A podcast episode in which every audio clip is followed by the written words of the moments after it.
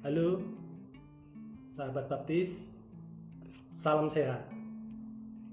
Kembali lagi pagi ini kita live streaming eh, acara Yuk Tetap Sehat bersama Rumah Sakit Baptis Kediri. Pagi ini bersama saya dengan Dr. Andreas Wahyudi, spesialis bedah. Eh, topik kita kali ini adalah membahas tumor payudara. Sebagai pembuka, banyak sekali pertanyaan yang muncul ketika periksa di poli bedah. Bagi orang awam, mereka selalu mempertanyakan, apa sih bedanya tumor dengan kanker? Nah, untuk itu, kita bahas ini yang pertama supaya ini menjadi jelas bagi kita semua apa sih bedanya. Jadi, per definisi tumor payudara artinya adalah tumor artinya benjolan yang tidak normal yang ada di tubuh. Karena letaknya di payudara jadi ya kita sebutnya tumor payudara. Nah tumor sendiri ada dua jinah dan ganas. Nah tumor ganas inilah yang sering kita sebut dengan kanker jangan lupa bahwa tumor payudara ini tidak hanya uh, diderita oleh wanita tetapi juga para pria juga bisa uh, mengalaminya. Oke. Secara definisi berarti kita sudah jelas tumor payudara itu apa. Kemudian uh, langkah apa yang bisa kita lakukan bila mana kita merasa adalah ada benjolan di payudara.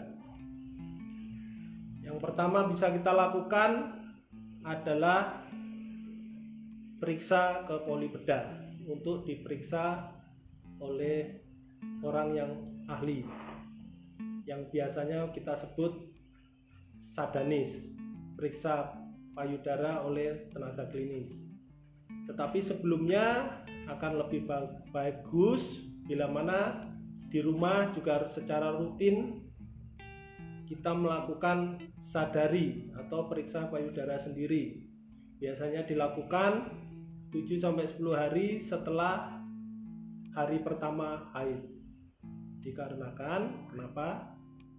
Dikarenakan kalau kita memeriksa pada waktu kita masih haid biasanya suka bingung dengan benjolan normal jaringan payudara. Sadari ini bisa dilakukan sendiri di rumah dan sesering mungkin atau bila mana ada mencurigai benjolan. Bila mana sudah ditemukan benjolan, sebaiknya segera periksa ke poli bedah untuk dilakukan sadanis tadi. Nah, pemeriksaan yang dilakukan oleh dokter bedah ini ada beberapa tahap yaitu yang pertama anamnesa. Anamnesa ini adalah cerita dari pasien mengenai benjolan tersebut.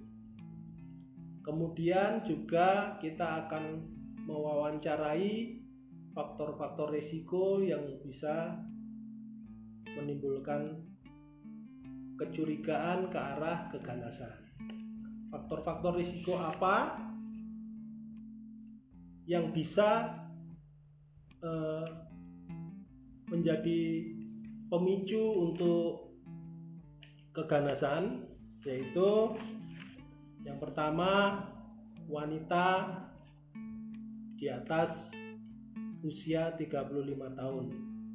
Kemudian kegemukan atau obesitas, kemudian riwayat minum alkohol yang rutin, kemudian belum pernah hamil, kemudian masa usia subur yang lebih lama dibandingkan yang normal. Dalam hal ini adalah mens pertama yang terlalu dini dan